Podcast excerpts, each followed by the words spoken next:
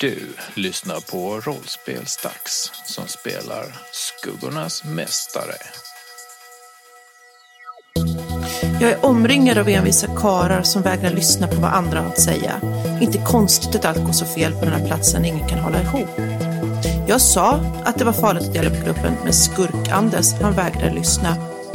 Nu är en till borta och roboten verkar ha något med det att göra. Men jag är ett steg närmare att lösa stugmysteriet, för vi åkte ner i jorden och hittade en stor svart grej. Och vi hittade även Jake där. Detta är en bra dejt.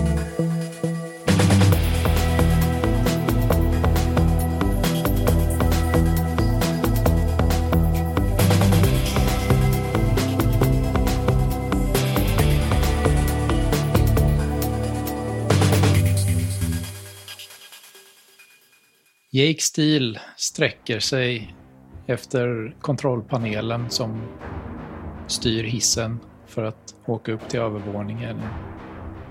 Ni har tid att tänka en hel tanke innan han lyckas trycka på knapparna. Vad tänker ni på? Att jag ska trycka på knapparna och åka upp. Men Jake, vänta, vi behöver dem. Va? Vi, vi, kan, vi behöver dem. Det är fler, vi är fler i så fall. En han! Och sen så gör jag tecken och nickar med huvudet mot Karl Hell. Vill ju skjuta mig? Säger jag lite tyst att bara du har. Han vill inte det längre. Han har lovat att han inte ska göra det. Ja! Jag hör ju inte det här, eller hur? Nej, men Gabriel gör det däremot. Han viskar lite till dig, Jake. Du, jag skyddar dig, det är ingen fara. Jag har ögonen på honom. Jag också, jag kommer också skydda dig. Okej. Ja, ja. Jake stoppar sig själv från att trycka på knappen att åka upp. Kom! Alltså allihopa då! Ja, alla åker hiss. Vänta lite mitt herrskap. Vi måste hitta Christian och Maria och Henrik. Vi kan inte lämna den här platsen. De kan ju vara inne i skeppet. Precis. Jag snabbt fyller jag i för Jake och Gabriel varför vi är här och förklarar att eh, Christian som var med i vårt, eh, lilla, vår lilla grupp försvann tillsammans med en eh, robot som hade hawaiiskjorta och stråhatt. Mhm, Och vi misstänker att roboten är skurken. mhm, mhm. Jake nickar utan att eh, höja på ögonbrynen alls. Har ni, har ni sett dem? Nej. Äh, Det var ju någon... Vi såg ju dock ett eh, jätteuppsprätt eh, lik ett par rum bort. Ja, Åh det nej. var ingen vacker syn. Nej. Det var ju... Ja. Han eller hon var ju, är ju död. Så var på er vakt, det är något farligt här. Ja, eh, Elvira, Gabriel, det här är Gabriel. Eh, Gabriel, det här är Elvira. eh, Och Elviras falukorv. Hej. Ehm, Och det här är de andra. Gabriel hälsar på de andra i sällskapet också, för ni har ju sammanstrålat i en grupp nu. Och Mm. Han verkar lite kylig mot Karl-Henrik. Bra. Men s- Anders, vill du s- se det här liket som de pratar om? Du kanske känner igen din, din vän? Ja, och det finns jättemycket saker där. Det kanske är bra att försöka identifiera det så vi ser, vet vem det är. Ja. Kan ni, kan ni visa oss var det ligger? Eh, Ja, visst. Jake trycker på knappen när alla är på hissen och åker upp igen. Ni åker upp och kommer då till den korridoren som fanns på övervåningen. Jag tar Jakes hand. Det håller i den handen. Det känns bra. Mm. Går ni in i rummet där ni hittar liket sen? Eller? Eh, Ja, vi pekar också på vissa dörrar där, för det fanns ju flera som vi inte har gått igenom. och Ja. inte tittat i. Och så pekar jag på dörren där och säger där styr man. Mhm. Och här är en hiss. Och här borta är rummet. Och sen så är det två rum till tror jag att det var. Som vi inte har tittat i. Ja. Det kan finnas rymdvarelser här. Och de verkar inte så snälla mot människor så alla ja, var beredda. Jag har ju ett litet dilemma här känner jag. ja. Utomjordingar är ju elaka jävlar, det vet ju jag. Men att avslöja det för de här kan kompromettera mig och uppdraget. Sen finns det ju mer än en sorts utomjording också. Du vet att en sort kommer förinta mänskligheten om en eh, 700 år. Men eh, det finns ju inga garantier för att det är den här sorten, för det finns ganska många olika raser av utomjordingar i världen, i universum. Mm. Okej. Ja, men då finns det ju ingen anledning att... Eh, Du är liksom inte ens säker på att det är farliga utomjordingar egentligen. nej. Då finns det ingen anledning att betona allvaret i eh, situationen. För det Nej. är säkert är det. Och det här verkar rätt övergivet, om man ska vara helt ärlig. Ja. Så då var det ingenting. Var det där inne det låg? Mm. Jake öppnar dörren. Jake öppnar dörren. Och ni som inte har varit här innan ser ju det här långsmala rummet som är helt belamrat med bråte som ser ut att vara hämtat direkt ut från skogen. Liksom. Ni ser också bordet i mitten där det ligger ett lik. Men innan ni hinner reagera så reflekterar ni över att det står en robot i rummet iklädd en ljusgul hawaiiskjorta och en stråhatt. Men den har också dragit ett mänskligt ansiktsskinn över sitt eget huvud. Och när dörren öppnas så är det lite som att den hoppar till och vänder sig mot er. Och långsamt lyfter sin ena hand, eh, arm, gripklo, grej och vickar lite på den. Som att vinka. Ja. Och så blippar den till.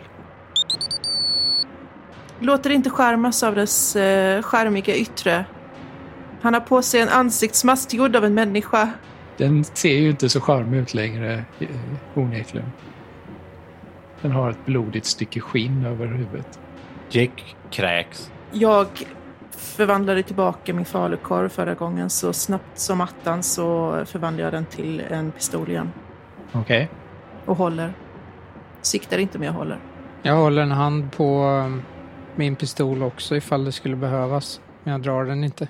Gabriel tränger sig förbi er och in i rummet.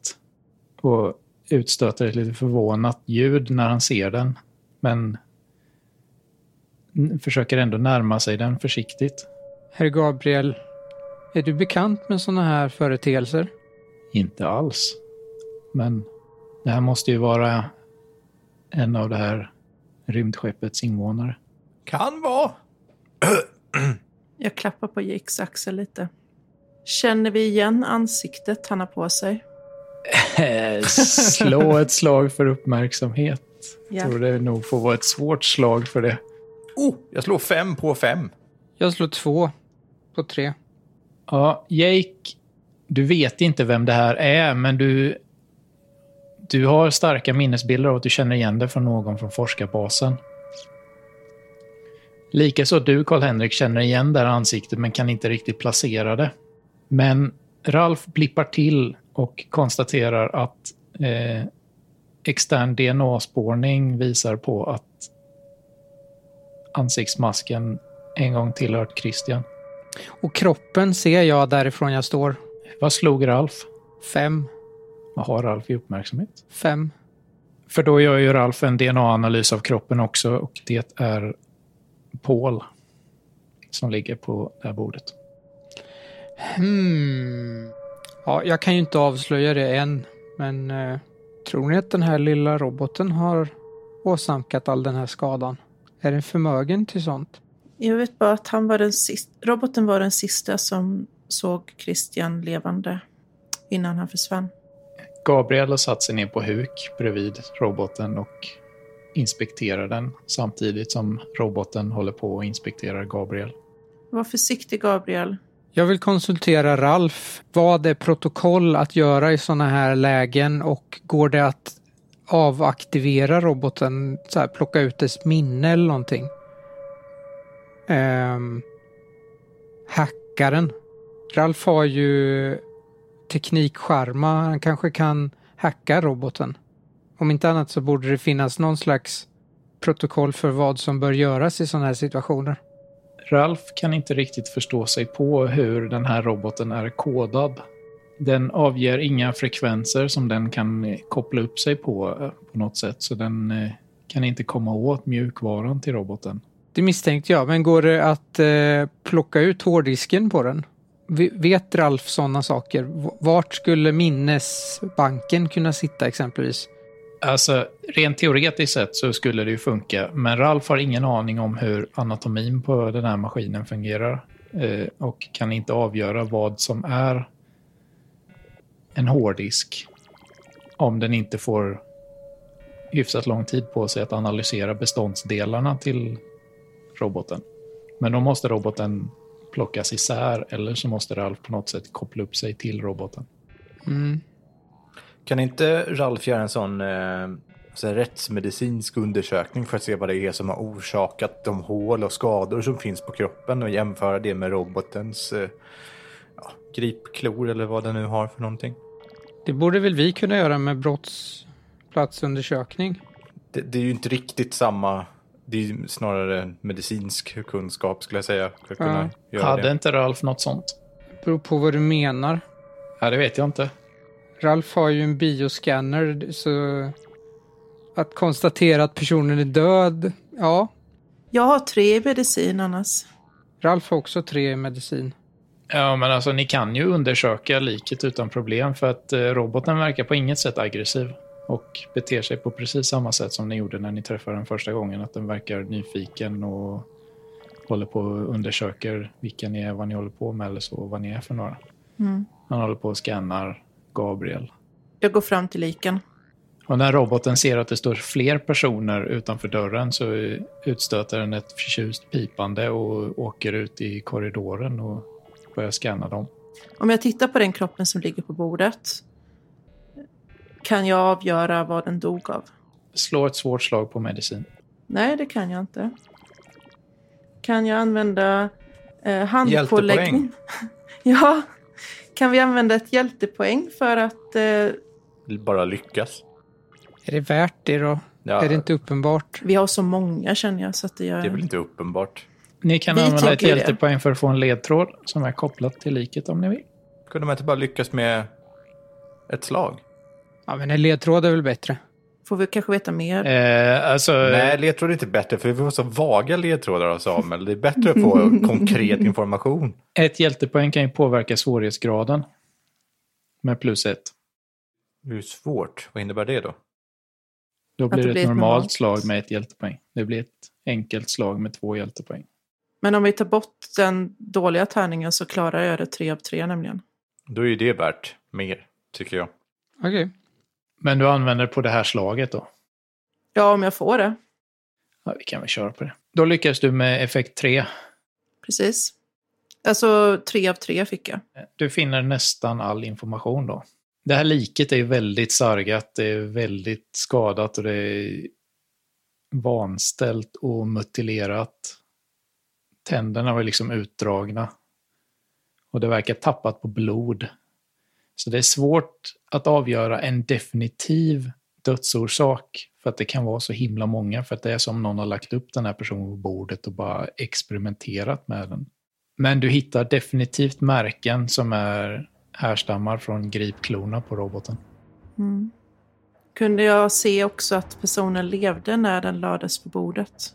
Eftersom jag såg att det hade skett saker liksom på plats. Jag är ingen medicinsk expert, men syns det? Det måste det väl göra? va? Ja, på ett blodskvätt skulle det kunna... Ja, jag nu tänker det med. framstår jag som en jäkla psykopat här, men...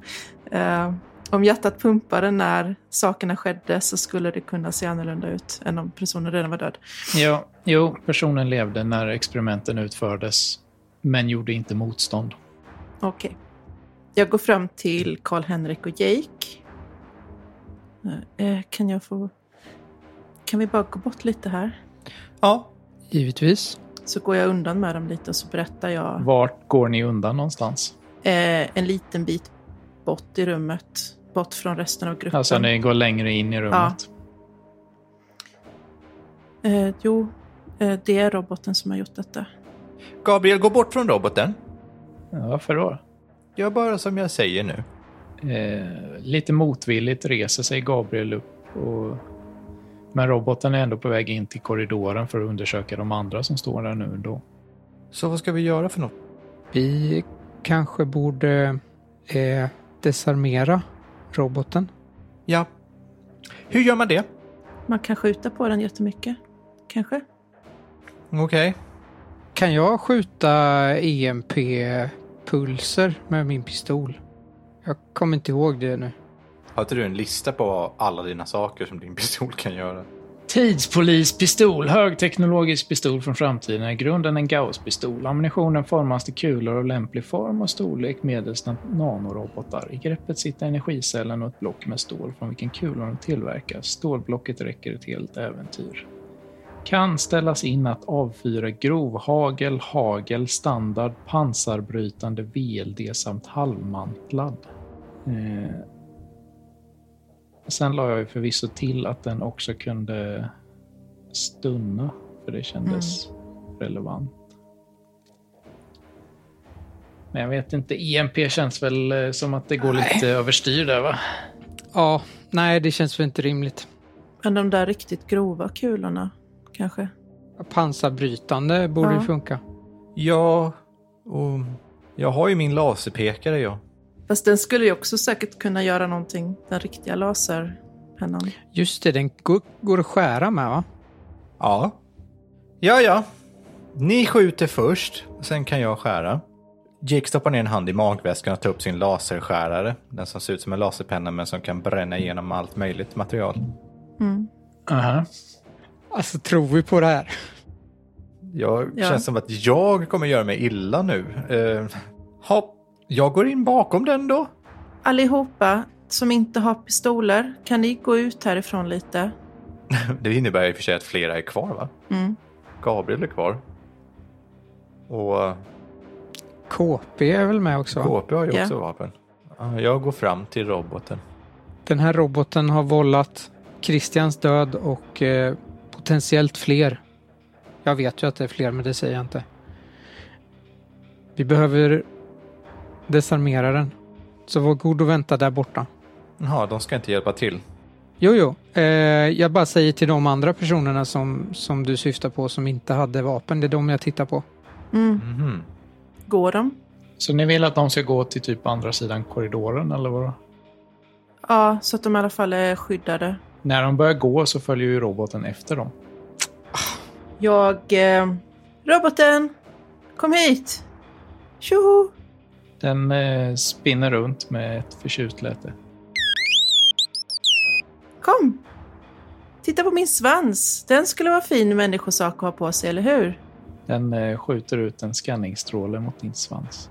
Medan den gör det så tar jag upp min eh, pistol och med pansarbrytande skott så skjuter jag den i eh, ö- övre delen, typ huvudet, Mm. på ganska nära håll. Jag kan ju stå nära den eftersom den inte är aggressiv. Jag står ju bredvid den. också. Så typ bara någon decimeter ifrån eh, huvudet skjuter jag. Slå ett slag för att skjuta skott. Jag lyckas med tre. Och ditt vapen gör vad då i skada? Sex. Oj, bra. Sex. Ah, Det ville du ju. Ja, funkar inte det då vet fan vad som kommer funka. Ja, jo, det hade ju fungerat. Mhm. Men jag tänker använda min eh, en skuggpoäng för att göra Nej. en dumsvolt. Ja. Så ett skuggpoäng kan offras för att rädda någons liv. Fast vi kan ju skjuta igen. Eller?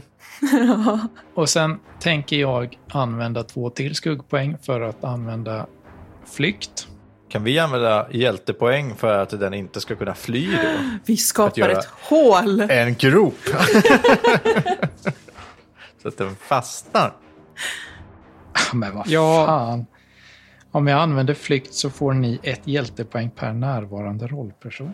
Ja, nej, ni kan inte använda hjältepoäng för att eh, förhindra det här, kan ni inte, men ni får tre hjältepoäng för det. Hur många hjältepoäng har vi då? Vadå, får vi inte nio hjältepoäng? Du använder ju tre. Nej, ni får ett hjältepoäng per närvarande rollperson när jag använder flykt. Mhm. Och vi kan inte springa ikapp den eller någonting sånt och den bara försvinner. Ni hade kunnat göra det, men eh, den här roboten eh, gör saker som eh, ni inte kan göra. Ja. och kan saker som ni inte kan. Så när Karl-Henrik drar sin pistol och ska precis trycka på avtryggaren så är det som att den här roboten redan har reflekterat över att det här händer så att den backar tre steg så att Karl-Henrik skjuter rätt ner i golvet. Den börjar pipa argt och kör in i väggen där en lucka öppnas innan ni knappt ens hinner reagera och försvinner in i väggen. Men hur öppnar den luckan? Den öppnades automatiskt. Men Jake kanske förstår på hur den fungerar med sin eh, teknikempati. Slå för uppmärksamhet. Springer fram mot väggen och börjar känna på den. Får man hjälpa till här så att han får en tärning till? Eh, ja, visst. Det behövs inte. Slå fem av fem. Ah, ah. Du hittar ingen form av kontrollpanel eller någonting som styr den här luckan.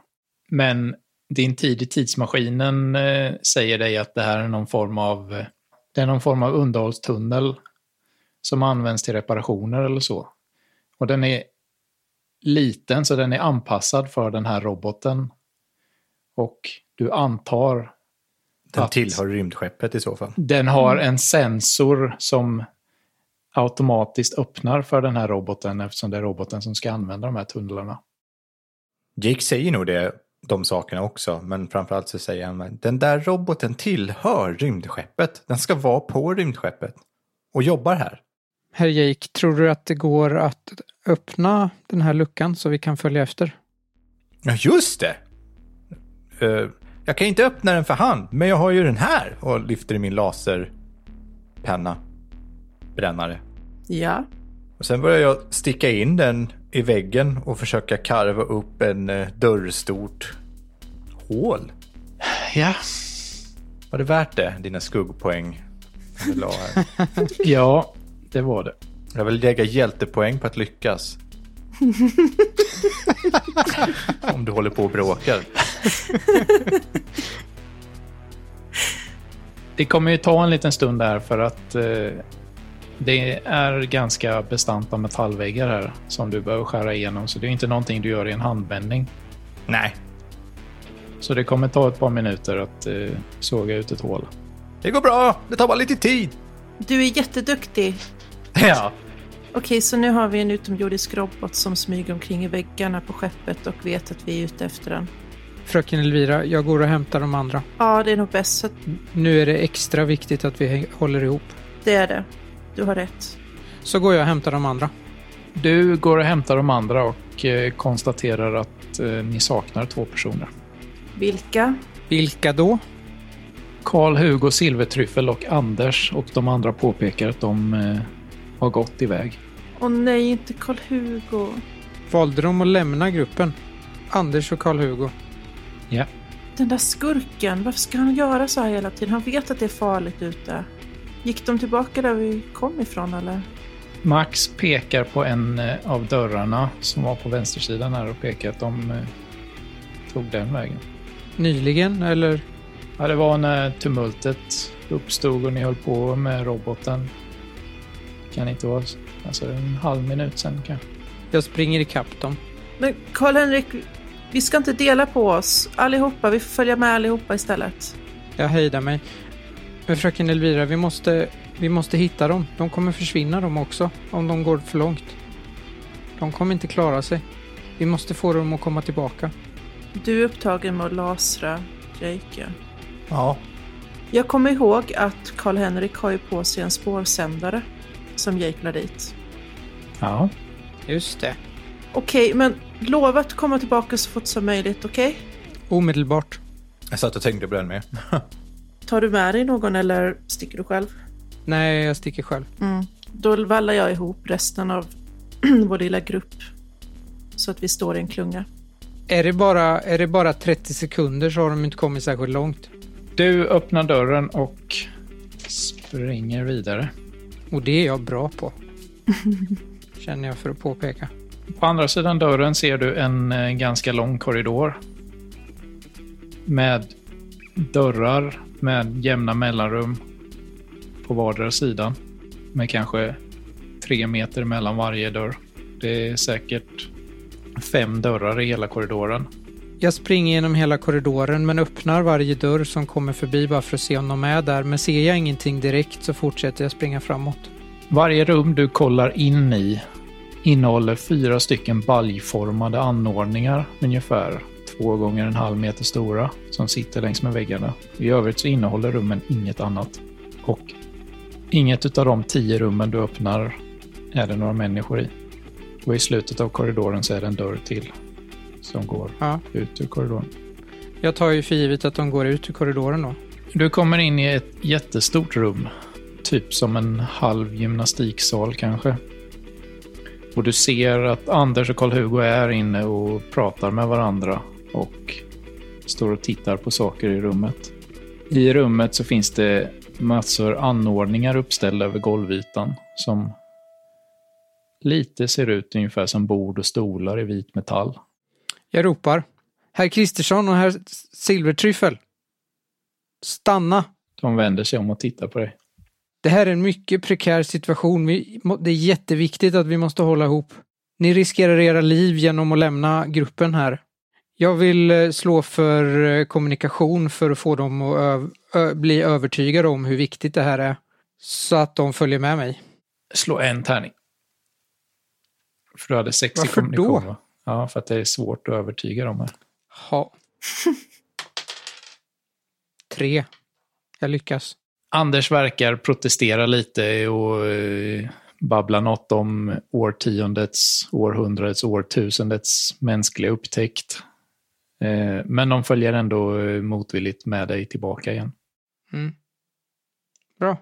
Och strax därpå kommer ni tillbaka till korridoren där de andra står och där Jake har kommit halvvägs genom att lasra upp ett hål i väggen. Du klarar det, du är jätteduktig. eh, Tack fröken Elvira. Jag menade... Tittade du inte på mig så sa jag antagligen inte det. Jag bara antog att det var mig du det sa här- det till. liksom. eftersom- Det var Det är så roligt att du jättebra, antog det var det. jättebra.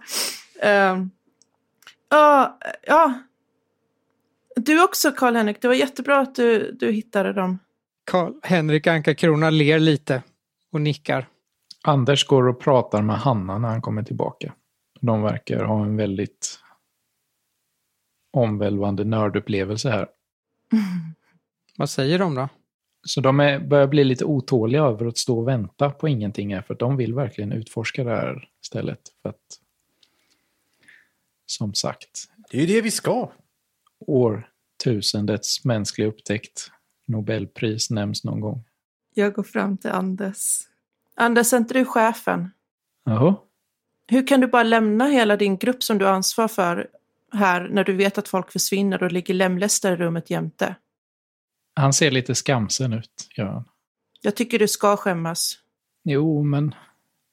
Alltså, fattar du vad det är vi har snubblat över här? Fattar du vad du höll på att göra när du lämnade gruppen? Ja, men roboten försvann ju in i väggen. Hannas, tycker du också att det är rätt att göra så?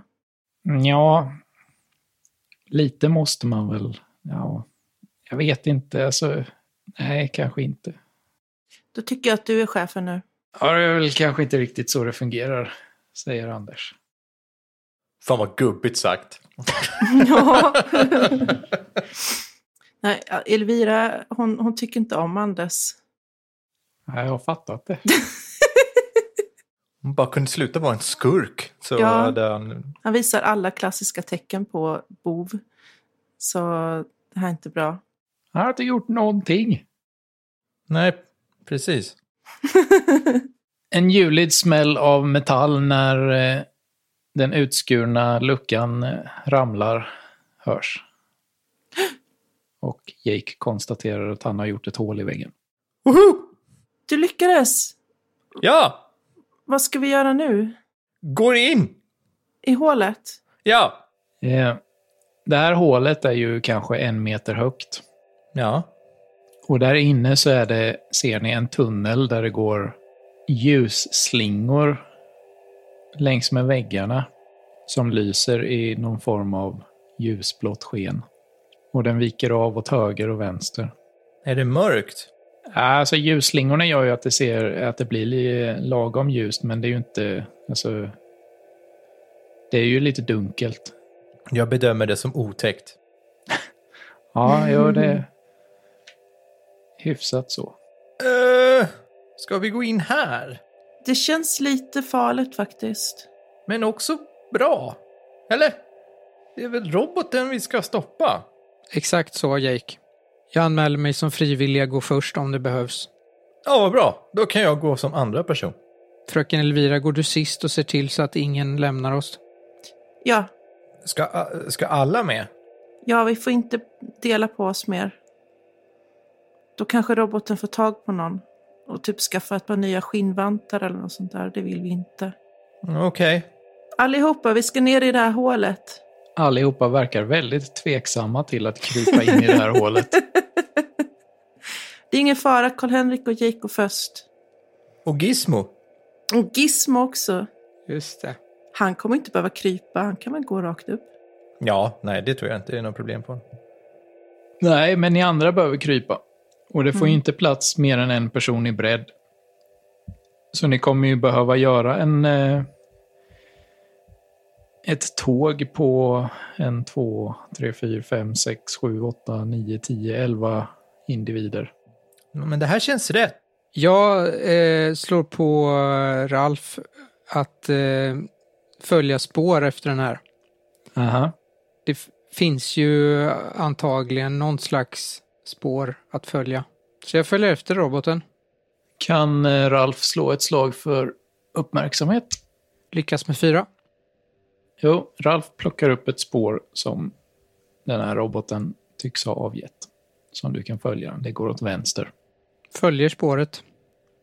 I ganska rask takt också. Eh, ja, det är ju inte jätteenkelt att hålla någon rask takt här för att du måste ju krypa på alla fyra liksom. Mm. Men eh, det är okej, jag tar det i den takten det går. Däremot, börjar vi komma i närheten av någon öppning eller ser jag någonting hända? Ja, men som en öppning eller någonting. Då blir jag ju lite försiktigare. När du kommit in i tunneln så ser du några meter bort hur den viker av åt ett annat håll, tunneln. Mm. Men i övrigt så ser du ingenting. Och Jake följer efter dig.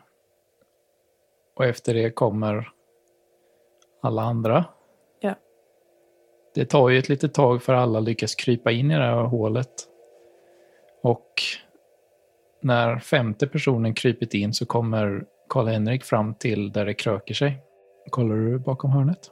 Ja, På andra sidan ser du hur den här tunneln fortsätter långt framåt med en liten sväng åt vänster någon meter framför dig. Det är svårt att se exakt hur långt eh, hur lång den här korridoren är. Och det är svårt att se mer än några meter framför sig. så nu finns det ingen belysning längre med andra ord. Jo, de här ljusslingorna går fortfarande, men eh, de ger inte så pass mycket ljus att- så att efter tre meter så ser du inte så tydligt längre. Och det är svårt att avgöra ifall det viker av vägar eller någonting sånt, eller om det finns någonting där framme. Utan man måste krypa närmare hela tiden. Det är, så, alltså det är ju typ som att du har en svag ficklampa. Liksom. Mm. De närmsta tre metrarna är det enda jag ser. Ja. Jag slår på ficklampan på Ralf. Den är lite svårkontrollerad nu som du kryper på alla fyra så att eh, den hjälper lite bättre men eh, den gör inte jättemycket för att den blir felriktad när du, medan du kryper och sådär. Så för att se riktigt långt måste du stanna till och rikta den. Jag gissar att det hjälper lite grann dock. Ja, lite hjälper det. Och du kommer fram till där den vek av åt vänster. Mm. Där går det en meter in och sen tar det stopp. Så jag förstår att här är alltså utgången.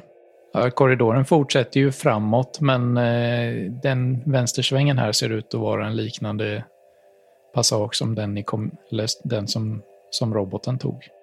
Mm. Så roboten har tagit den vägen ut med andra ord. För spåret leder dit. Nej, den fortsätter framåt. Spåret fortsätter framåt. Mm. Okej, men jag fortsätter ju robotens väg. Då har ni krypit in. Så ni är åtta personer inne i den här tunneln nu. Mm. Karl-Henrik fortsätter en bit. Och när du kommit några meter till så ser du hur tunneln viker av åt höger och vänster. En bit framåt. Jag fortsätter efter roboten. Spåren tycks svänga av åt vänster. Då tar jag den vägen. Och då är ni alla inne i tunneln nu. Okej. Även om Elvira precis kommit in och knappt kommit förbi kanten än. När du tittar förbi hörnet så är det någonting som blixtrar till och du får en stöt. Får jag skjuta tillbaka? Eh, nej, det är lite för komplicerat att eh, vara beredd med pistolen där eftersom du måste krypa på alla fyra. Och nästan omedelbart så blir du medvetslös. Och Jake, du ser ju det här för att du går ju precis bakom hur någonting blixtrar till framför dig och Karl-Henrik faller ihop. Se vad det är för någonting. Alltså det var, hände ju runt hörnet och du ser ju inte runt hörnet. Men eh, du kan ju försöka klättra över Karl-Henrik för att kolla. Kan jag inte titta över Karl-Henrik om han ligger på marken? Jo, du kan. Jag tittar runt hörnet lite snabbt. För att se om det, var, Ja. om det är någonting där. Det står en robot och, eh, som tar tag i Karl-Henriks arm och håller på och försöker dra ut Karl-Henrik bakåt. Sluta vara så ond, Micke! Och det är nu man bara... Och nu väntar vi. Men då hör du Elviras röst i ditt huvud. Nej, gör inte Rädda honom. Nu håller saker på att lösa sig av sig självt. Det var meningen att det här skulle ske. Nej, så tänker inte Jake. Fast det borde han egentligen göra med sin holistiska syn. Men det är något skumt med den här roboten och det är den som ställer till det. Säkert är det hans dumma rymdskepp som gör så att han inte kan åka härifrån heller. Så det här måste ju åtgärdas på ett eller annat sätt. Men den tar tag i Karl-Henrik och börjar släpa honom. Den, eh, eh, är, den, är den snabb? Eller är, den, tycker- är det jobbigt för den att släpa Karl-Henrik? Alltså Karl-Henrik ligger ju precis i kröken här så att eh, det är ju lite omständigt att dra ut den för att de måste ju dra den förbi hörnet. Och Karl-Henrik fastnar lite vid hörnet så han måste ju anstränga sig lite så att det går ju inte jättesnabbt. Jag tänker om man skulle kunna följa efter den. Du vet ju att jag har en pistol. Ja, fast frågan är om jag vet vad den är. Jag tänker att du såg det när jag drog den och sköt. Jag är ganska uppmärksam, så det är möjligt. Han har dragit den två gånger mot dig så du vet var den är. Eller inte mot dig, men han har dragit den två gånger. Det här är inte riktigt Jakes grej. Det här är inte han van vid. Men Jake rusar fram mot eh, Karl-Henriks kropp och tar hans pistol. Okej. Jag har pistolen i ena handen och min laserskärare i den andra. När du gör det så stöter roboten ut ett förvånat pip. Som att den inte alls var beredd på att det var mer än en person i tunneln. Och nästan omedelbart så släpper han taget om Karl-Henrik och backar ut. Varpå väggen bakom honom öppnas och han den åker ut på andra sidan och väggen stängs igen. Jag vill skjuta på den innan den gör det. Gör det. Oh, är det uppmärksamhetslag då? Ja. Yes. Fan, jag skulle ha dratt min bumerang. Jag har ju vapen. Fan, jag glömmer ju bort att jag har. Du får säkert chans igen du älskling. Jag skjuter då. Alltså, har jag någonting? Jag har ju rida till exempel. Kan jag... Nej, du kan inte använda rida här. Nej, Du Jag rider slår inte på bara. Karl-Henrik. jag slår två på fem. Så lyckas gör jag ju, antar jag. Vänta två sekunder bara för att... Och jag antar att den skjuter sådana pansarskott då, för det var ju det som Karl-Henrik ställde in. Jag tror inte jag fattar hur man byter på den bara sådär. Jag skulle nog behöva mecka med den pistolen ett tag. Köpte du till någonting extra till ditt pistol, Jaja? Det fick jag väl inte? Jo, den går att modda hur mycket som helst. Ja, det har inte jag, det har inte jag fattat. Okej, så du köpte inte någon DNA-sensor till den? Jo, det gjorde jag nog förresten, för det står här. Fan. Vad bra. Det står dubbelt magasin, rekyldämpare, DNA-sensor har jag skrivit upp på tidspistolen. Så du har alla tillägg på den? Ja, då... eh, Okej, ja, då har jag väl moddat den då. Ja. Ser inte så nöjd ut Eh. Samuel. Du, eh, Jake trycker på avtryckaren till pistolen och inget händer. Jag kastar den på den. Den eh, flyger in i väggen som har hunnit stängas. Skit. Bra tips Jesaja, tack. Sopa. Kunde, jag kunde ha kastat bumerang. Ja, men gör det. Det kan jag inte göra nu, nu har ju dörren stängt. Ska kasta på väggen. Besparade mig tre skuggpoäng. Fan. Är pistolen en del av omgivningen så kan vi använda ett hjältepoäng till att påverka detta. Hopp! Jag tar fram min laserskärare. Eller vänta nu, det ligger ju en pistol på golvet nu. Jag tar pistolen. Alla har ju reflekterat över att eh, det har hänt någonting framför dem nu. Ja, men jag tar ändå på mig Karl Henriks pistol. Och förvirrade röster höjs om vad det är som händer där framme. Det är ingen fara, det är bara Karl Henrik som eh, är medvetslös. Men är han okej? Det vet jag inte. Har inte kollat. Är du okej? Jag är okej, jag försökte skjuta på den men pistolen funkar inte. Dörren är stängd. Jag börjar öppna den igen nu. Ja, Ljud hörs av Jakes laserskärare som börjar gå igenom väggen. Eh, någon kanske ska kolla till Karl Henrik. Efter Jake kommer Gabriel och känner pulsen på Karl-Henrik och konstaterar att Karl-Henrik lever men är medvetslös. Och tittar lite menande mot Jake som ska vi röja undan honom? Jake skakar på huvudet. Men det tar en stund innan han tar bes- det beslutet tror jag också. Så han sk- Jake väntar lite grann ett tag och sen bara, nej, skakar på huvudet. Det är nog ingen bra idé. Då ropar Gabriel nerför tunneln där de andra är. Ja, han är okej. Vänta lite, jag ska bara öppna nästa dörr. okej. Men hur ska ni göra med Karl-Henrik? Han kan inte ligga kvar i röret. Vi flyttar på honom sen när jag har öppnat. Är det någon som har lite luktsalt eller något? Karl-Henrik, vad hade du för förmågor? Hade inte du den där regenerera?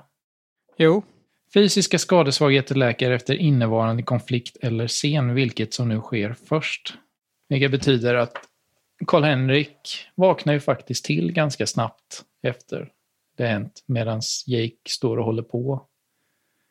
Det är slutet av en scen. Ja, eller en konflikt. Så det kanske går någon minut medan du håller på och eh, lasrar upp ett nyhål eh, och Gabriel står där, sitter på huk bredvid Karl-Henrik och håller lite koll och då kvicknar Karl-Henrik lite till.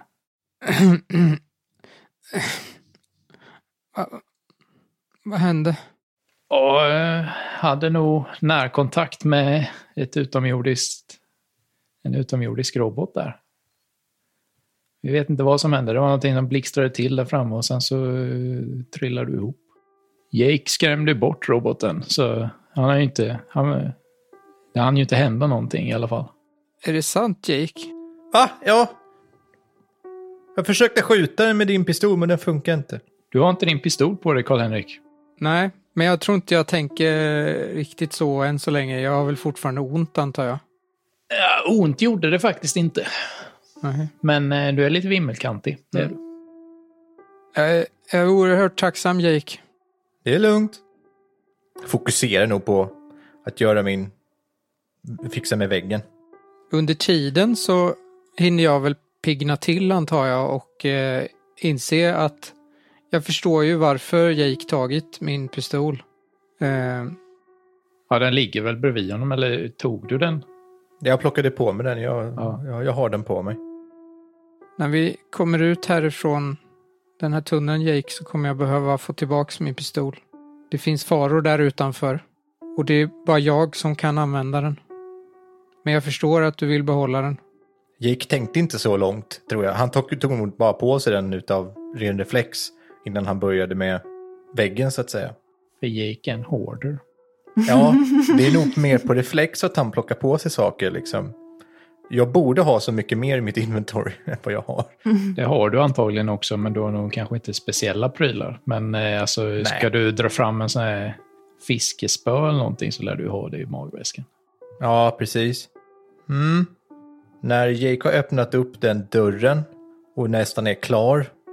För att jag antar att den här, när, när dörren är liksom uppskuren, då typ faller den in eller någonting liksom. Ja, precis. Den trillar framåt och Ja, dimper ner i backen. Så precis innan det här sista gångjärnet är klart, eller vad man ska säga, så tittar Jake lite bekymrat ner i marken och vänder sig mot Karl-Henrik och pl- sticker in en hand i, i skinnjackan och plockar ut hans pistol eh, och tittar på Karl-Henrik med en menande min Den säger ingenting, men kanske mer lite en blick som säger att jag skulle uppskatta om du inte använder den här på mig mer. Men eh, ja, Karl-Henrik får tolka det som han vill, liksom, men Jake räcker ändå till, över den pistolen igen. För att dels så kan Jake inte använda den och eh, det verkar Karl-Henrik kunna. Och Jake uppskattar det mer, tror jag, att en person till kan skjuta med en bra pistol runt i Jakes direkta närhet. Förhoppningsvis inte på Jake, men på andra saker så att säga. Karl-Henrik ser ju den blicken och förstår nog vad det är den säger.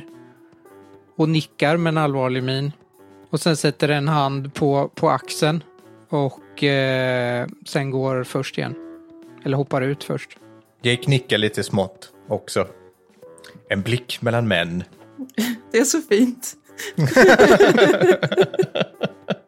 Och sen går Jake efter. Kom Gizmo. Ni kommer ut i samma avlånga rum som bordet med liket ligger på, där roboten befann sig från början, fast i andra änden av rummet. Va? Är vi i samma rum som vi började i? Nej, Ni började i korridoren precis utanför det här rummet, men eh, ni har kommit in i det rummet igen nu. Det här tar sån jävla tid. Ja, Det är vi är nog, här. nog inte meningen att vi ska vara i ventilationen. Det fanns ju en gång till. Vi... Eh, bara en tanke. Vi kan ju kolla först rummen som finns här. Det finns ju flera dörrar som vi inte har kollat i. Eh, Karl-Henrik viskar lite. eh, Du, du, vet du var den tog vägen? Roboten? För du kunde ju spåra den. Det verkade som att du höll koll. Mm, just det. Ja, men jag fortsätter spåra den då. Jake drar sin bumerang ut ur sin magväska. Jag är redo. Spåren går åt vänster och blandar sig med spåren från tidigare så att eh, nu börjar Ralf få lite svårare att följa den. Men eh, Ska jag slå ett nytt slag för det eller? eh, du kan vänta lite med det. Men där ni kommer ut nu så har ni en dörr precis till höger om er och sen så har ni dörren på andra sidan rummet som ni kom in genom förut. Är alla vi andra ute också nu? Eh, ja, efter en liten stund så har ju alla kommit ut ur korri- den här eh, servicetunneln och står i samlad grupp. Är det okej, Karl-Henrik? Tack så mycket fröken Elvira, jag är okej. Vad var det som hände? Roboten gav honom en stöt. Jag hörde ett blixtrande ljud. Och sen började den släpa bort med Karl-Henrik. Så jag tog hans pistol och försökte skjuta roboten, men det gick inte för jag kan verkar, den, Jag förstod inte hur man använder den tror jag. Den klickade liksom inte. Så jag kastade pistolen på roboten, men det hände ingenting. Den åkte ut genom väggen. Och sen vaknade Karl-Henrik när jag öppnade dörren.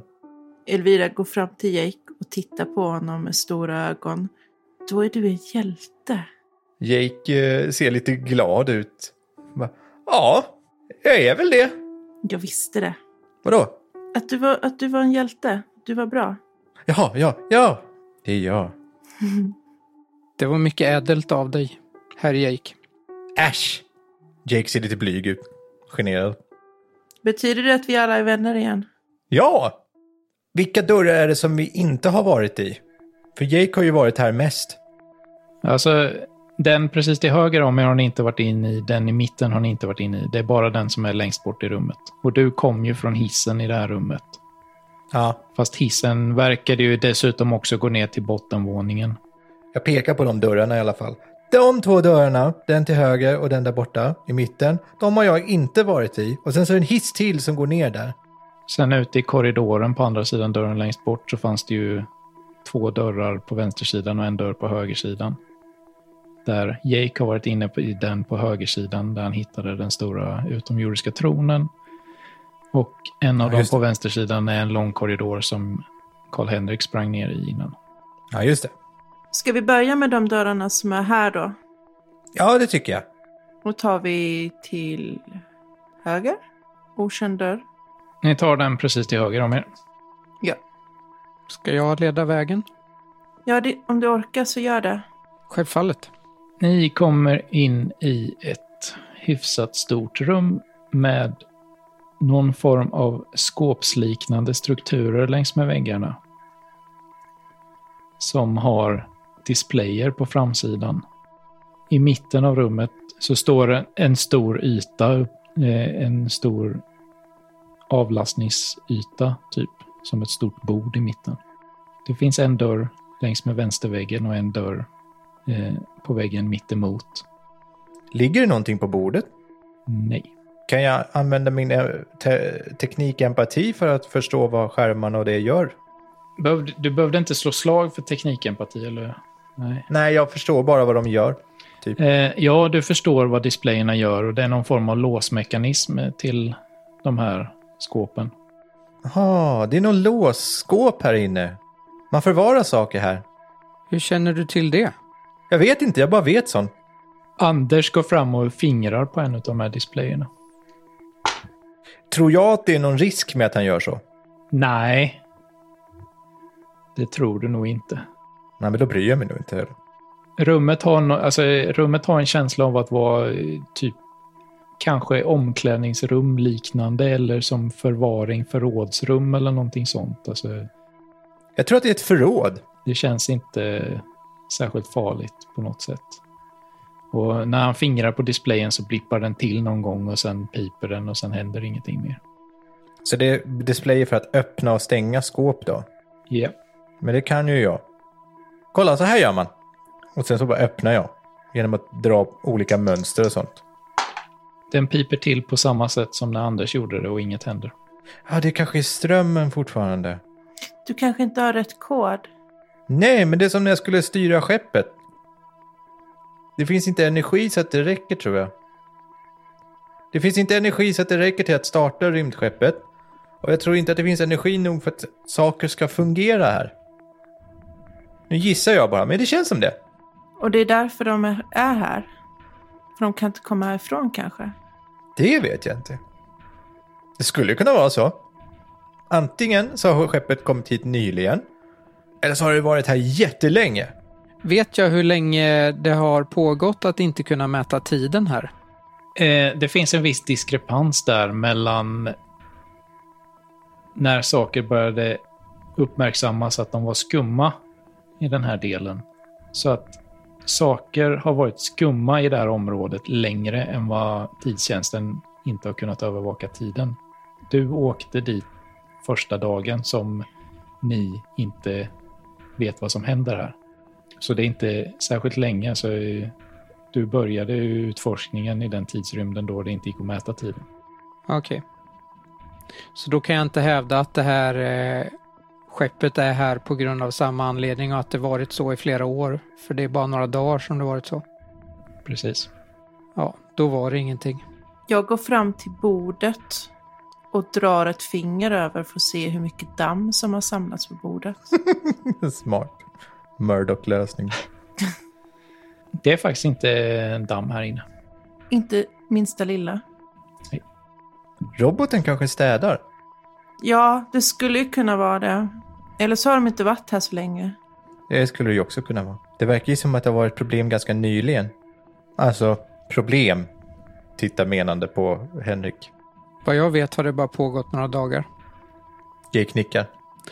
Herr Kristersson, hur, hur länge har det varit konstiga fenomen i det här området? Alltså, det uppmärksammades ju för första gången för ett par år sedan på allvar, men det har ju gått skrönor och urbana legender i årtionden om vandrare som har varit långt, långt här och hittat konstiga saker som kan spåras till att ha varit i det här området. Så det är omöjligt att säga. Jag förstår. Men då kanske de har fastnat här på grund av det som finns här sedan innan. In- att det inte är det här skeppet som är orsaken, utan tvärtom. Det må hända. Jag är klar med det här rummet nu. Låt oss söka igenom nästa. Vilken eh, ska ni ta? Tillbaka till vänster eller rakt fram? Så vi fortsätter här på denna, detta hållet. Ja. Då fortsätter vi till det, den dörren som är i det här rummet. Det var bara en väl? Nej, vänster eller rakt fram? Rakt fram. Vi går rakt fram. Karl-Henrik Anka-Krona öppnar dörren rakt fram. Jake går efter med sin bumerang redo. Det måste kännas tryggt. Jake tycker... Där ute är det en eh, lång korridor som leder åt höger och vänster. Liknande den som Karl-Henrik sprang i innan. Längst ner i högeränden så går en dörr ut som uppskattningsvis leder till den korridoren ni var i innan. På högersidan ser ni också en dörr som rimligtvis kanske leder till samma rum som mittendörren i rummet ni var i förut där roboten fanns.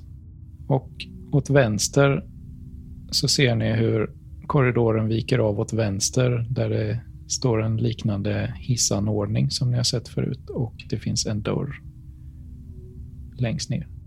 Jag känner att man hade behövt en ritning över detta, Samuel. Till, näst, till nästa gång. Ja, det är väldigt mycket dörrar och vinklar och ri- riktningar nu. Tror du att det går att fixa till nästa gång och ha någonting, det som vi har redan undersökt typ eller sådär? Ja, det kan jag fixa. Det hade varit jättebra tror jag. Vi kan ju ta och eh, rita Det- den. Dela skärm. Jaha, du menar så. Jag tror det var Samuel som började rita. Ja, jag tror också. Men Jake slår sig för pannan. Och bara, Mäh, vad dum jag är. Vänta lite. Jake är så nyfiken på det här förrådet och vad som kan finnas i skåpen. Jake vill ju använda sin laserpenna för att öppna upp skåp. Det är ju en lösning. Det kan man ju lära sig jättemycket på, tänker jag som spelare. Mm. Alltså vad det är för saker de har där inne. Det kanske är skåp till, jag vet inte, byggarbetare eller någonting. Det finns någon hjälm eller någonting som säger oss någonting liksom. Jättebra idé.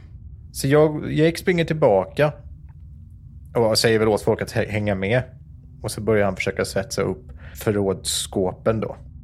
Någonting händer som aldrig har hänt dig förut, Jake.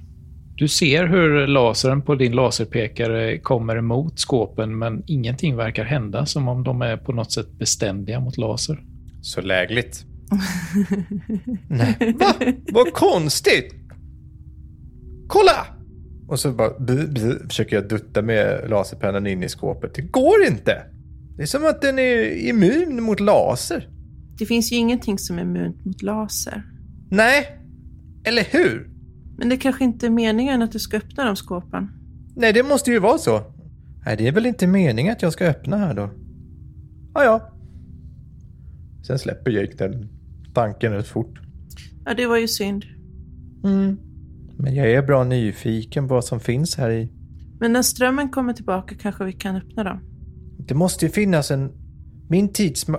Ja, just det. Jake tittar sig omkring vilka det är som är i närheten. Ja, det är väl bara du och Elvira, de andra gick ut i korridoren. Fast vi gick väl tillbaka allihop, gjorde vi inte det? Ja, det var ju lite Jake vilka gick som är med. tillbaka. Jag tänkte det som att vi gjorde det allihop, men det kanske vi inte gjorde. Ja, Alla andra står ute i korridoren och eh, är förvirrande, förvirrade i alla fall. Ja, men eh, vi kommer snart tillbaka. El- me- Jake vänder sig till Elvira. Pratar enskilt med henne. Så, så här är det ju. Tidsmaskinen har ju ett, ett slags batteri. Man måste ladda det ibland. Jag vet inte exakt hur det går till alltid. Men man behöver trycka på vissa knappar för att kunna ladda upp det. Jag misstänker att det är någon liknande sak. Som är här. Jag tror det krävs en, es- nå- en extrem energikälla eller någonting för att kunna ladda upp det här skeppet. När det har tillräckligt mycket ström så man kan starta det och allting, då, då kommer det gå att styra och flyga med. Men då behöver du hi- hitta rätt knappar då. Jag tror inte att knapparna är problemet. Jag tror att man behöver ett, som ett batteri. Eller men det en finns väl- sladd. Inga batteri i Norrland. Nej, Jag vet inte. Inga sådana batterier tror jag inte finns. Men Jag undrar vad som driver. Om vi hade hittat motorn så skulle vi kanske kunna gissa. Karl-Henrik kan nog en del om sånt. Vi borde fråga honom. Ja, men vi går och kollar med eh, Karl-Henrik lite diskret, Ja. tänker jag. Aha. Vi går tillbaks. Gick det att öppna några skåp? De är immuna mot laser. Det funkar inte. Aldrig varit med om. Vi tror att den behöver ström på något vis, men vi vet inte vilken sorts batteri eller ström som skulle behövas. Viskar Elvira. Det skulle nog behövas något väldigt starkt. Som eh, energikälla i så fall. Säger Jake lite menande till Karl-Henrik. Vi får se om vi stöter på någon sån då. Det är mig obekant vad det skulle kunna vara. Har inte du en dator? Säger Jake inte så högt så att alla andra hör utan Eller, jag nickar. Lite försiktigt. skulle inte den kunna fungera?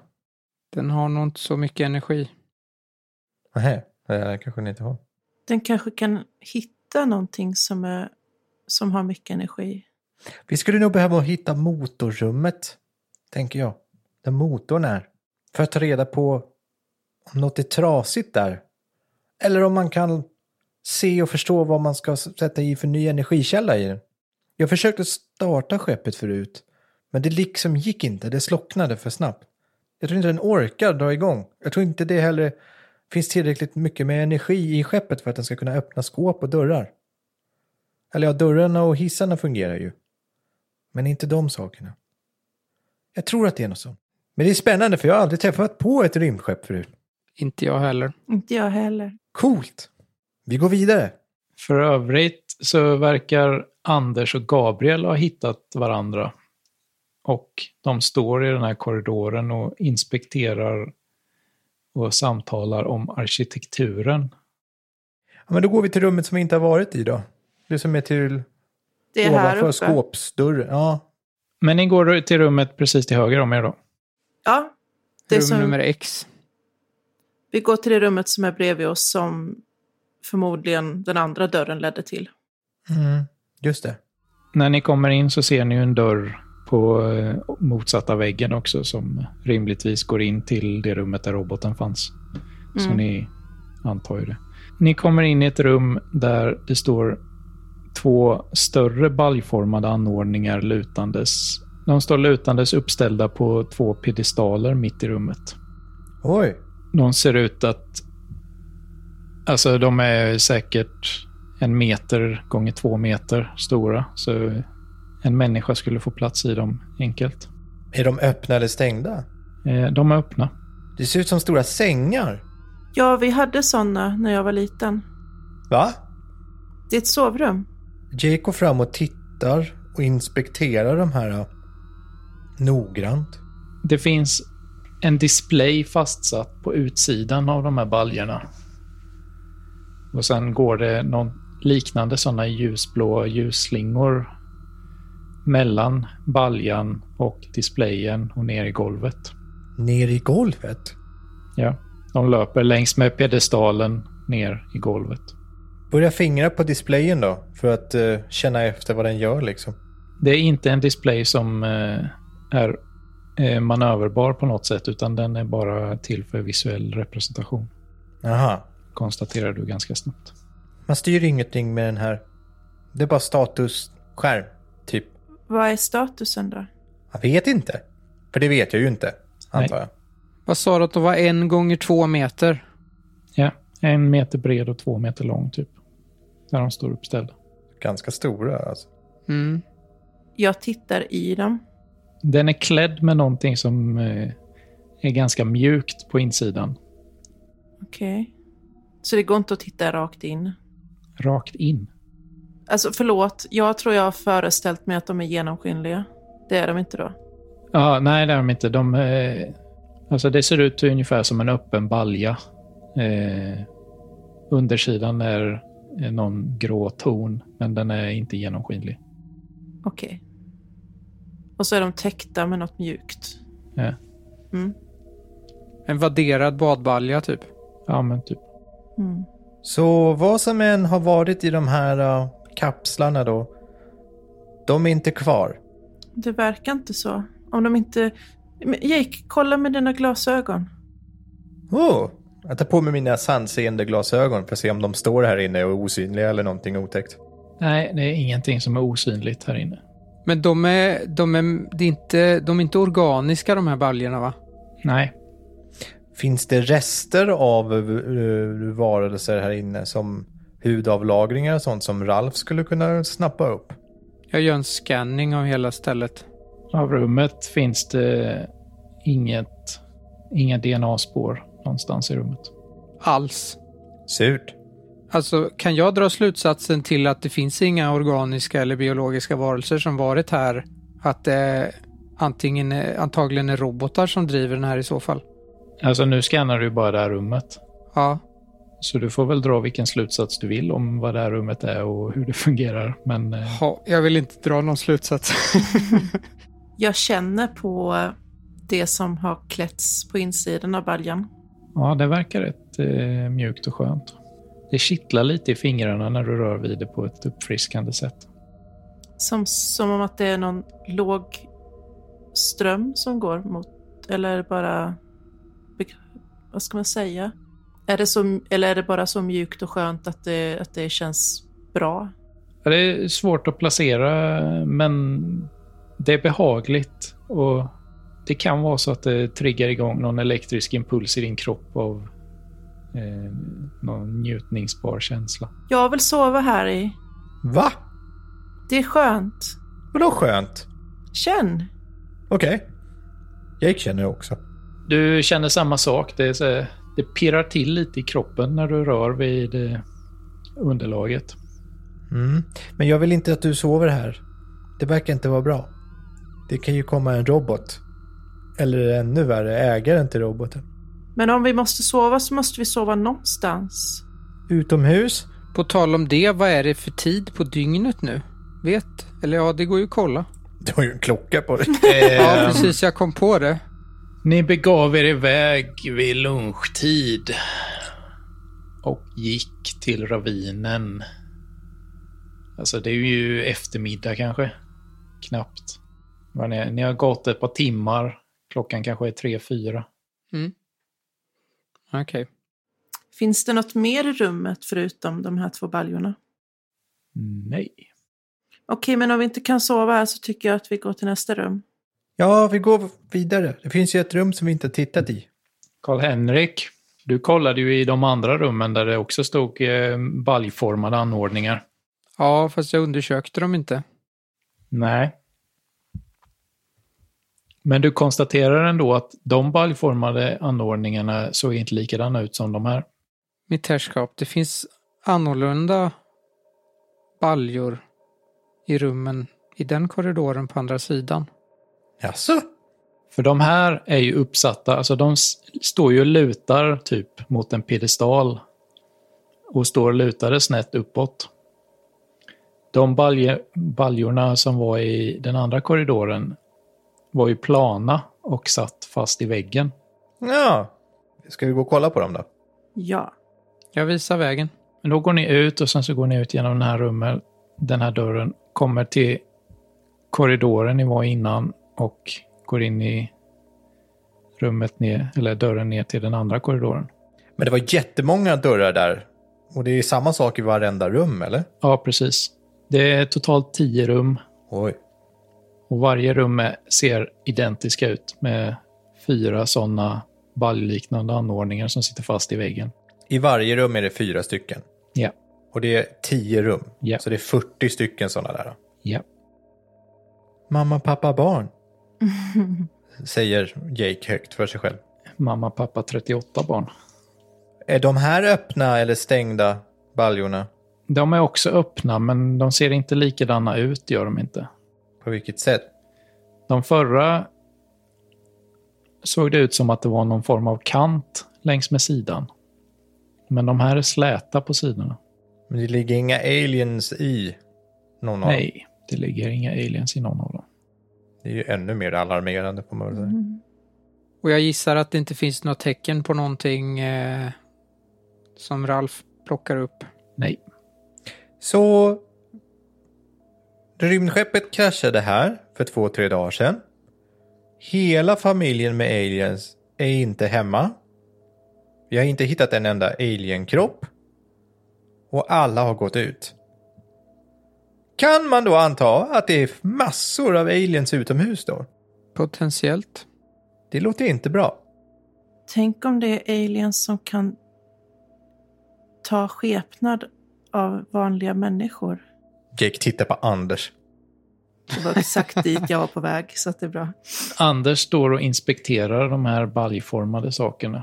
Är du en alien Anders? Vad pratar du om nu? Nej, jag är inte någon utomjording. Herregud. Det är precis vad en utomjording skulle ha sagt. Om någon här är en alien så säger ni det nu! Gabriel tittar på dig. Jag är rätt säker på att ingen här är en utomjording. Då. De kanske har förklätt sig. Fast jag tycker det är bra. Vi har en, vi har en UFO-expert så att om du inte ser någon alien då, då tror jag på det. Ja. Logiskt sett så är det väl ni som är de mest spektakulära individerna i den här gruppen. Vad menar du med det? Va? Nej, inget. Nej. Mina vänner, låt oss gå vidare. Ja. Den, den dörren i slutet av korridoren här, vad ledde den? Du var där innan Karl-Henrik. Låt oss eh, undersöka. Du har lyssnat på Rollspelsdags som spelar det egenskrivna äventyret Det som glöms i snö till spelet Skuggornas mästare. Skuggornas mästare i sin nuvarande form ges ut av Mylingspel. Kolla in dem om ni är nyfikna på Skuggornas mästare eller några av de andra spännande rollspelen de har. Vill du veta mer om oss? Kolla in vår Facebook-sida eller följ med oss lite mer backstage på vår Instagram. Missa inte den spännande fortsättningen av Det som glöms i snö.